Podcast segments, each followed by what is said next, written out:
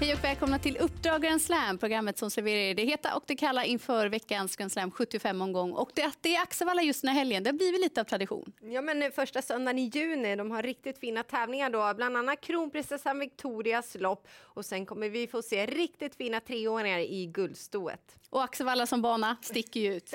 Vi har sagt det både en och två gånger, men det är ju Sveriges längsta upplopp, hela 227 meter långt. Och det brukar vara roliga tävlingar därifrån. Och vi kommer återkomma med lite aktivas röster om just taktiken på Axevalla, men det avvaktar vi lite med först veckans heta.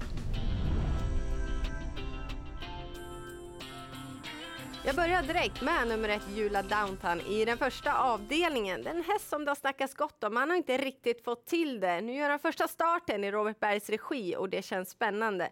Träningsrapporterna är goda och det blir barfota bak direkt och det är en signal om att en bra prestation är att vänta. Och vidare till den andra avdelningen så har nummer åtta Bikila hittat en väldigt fin form och svarade för en stark avslutning senast. Motståndet ser överkomligt ut och Bikila ska ses med vinstchans. Och den tredje avdelningen det är ett väldigt fint storlopp, men du vill prata om framförallt ett riktigt bra sto. Ja, det är nummer åtta, Hoboken Am, som hade en fin treåringssäsong. Hon inledde med fem raka segrar och avslutade säsongen med en stark andra plats i Svensk Trav Oaks. Timo Nurmos brukar ha hästarna väl i ordning när det vankas årsdebut och jag tror att konkurrenterna har stor respekt för Hoboken Am. Mm, något som kännetecknar Timo Nurmos hästar det är ju styrkan och vad passar inte bättre då än Axvallas långa upplopp? Ja, för så här säger några av de aktiva som ofta kör på Axevalla. Det är klart att det är ett utslagsgivande upplopp, ett intressant upplopp. Eh, så att det, det är klart att lite annorlunda körs det men, men inte i stort sett nej.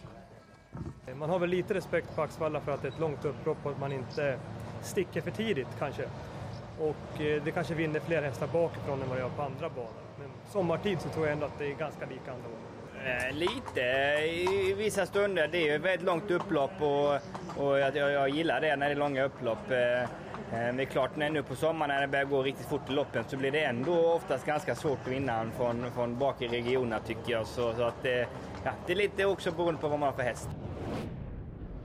Ja, det gäller att alltid disponera hästarnas krafter, kanske lite extra just på Axevallas långa upplopp. Men sommartid, då är ledningen guld värd. Ja, men banorna är ju lite utav självspringande. I den fjärde avdelningen startar nummer tre Helax Teludji som har höjt sig på sistone och han fick göra lite jobb själv senast men höll ändå bra som trea. Och han är startsnabb, borde vara garanterad en fin resa i den främre träffen. Och i den femte avdelningen då hoppas du att Kevin Oskarsson är snabb från start. Ja, men de har ju springspår på tillägg, han och nummer nio Isabel Trott. Hon fick gott om sparade krafter senast och hittar han bara ner i en bra position, ja då tror jag att hon kan bli farlig sista biten. Och I den sjätte avdelningen så väntas ett väldigt fint lopp, guldstoet för treåriga ston som ger upp om 350 000 i första pris. Här ser vi nummer tre, Aranka Fey som inlett karriären starkt med tre segrar på fyra försök. Stallformen är god, hon slog killarna senast och Örjan Kihlström i vagnen, det är tryggt. I den avslutande avdelningen startar nummer tre Apocalypto som jag blev otroligt imponerad av senast. Han fick en tuff resa fram utvändigt ledaren, försvarade den positionen och kunde ändå krossa motståndet. Visst, han fick lite mjölksyra sista biten, men han höll otroligt bra och gör han om den prestationen, ja då blir han svårslagen. Det var våra heta omgången. Här kommer veckans kalla.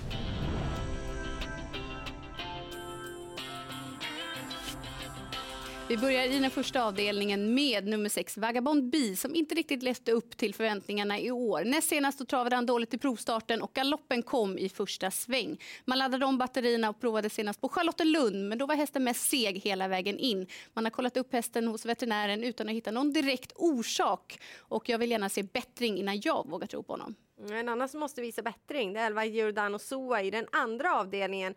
Visserligen har han springspår på tillägg med Björn Goop, men det kan kosta att hitta position. Och senast då fick han en fin resa i rygg på ledaren, men orkade inte fullfölja utan slutade oplacerad. Och faktum är att han inte vunnit lopp sedan i juni i fjol. Och går vi till avslutningen så har nummer ett Global Agreement väldigt hög kapacitet när han tävlar på topp. Men han var sjuk i sin årsdebut och tränaren Peter Untersteiner kan inte garantera att toppformen sitter där. Dags att runda av programmet och du får lyfta fram en häst lite extra Jennifer. Men det avslutande loppet, kronprinsessa Victorias lopp, det är väldigt fint. 150 000 kronor i första pris. Och om nummer tre, Apocalypto, gör om senaste prestationen, ja då blir han svårslagen.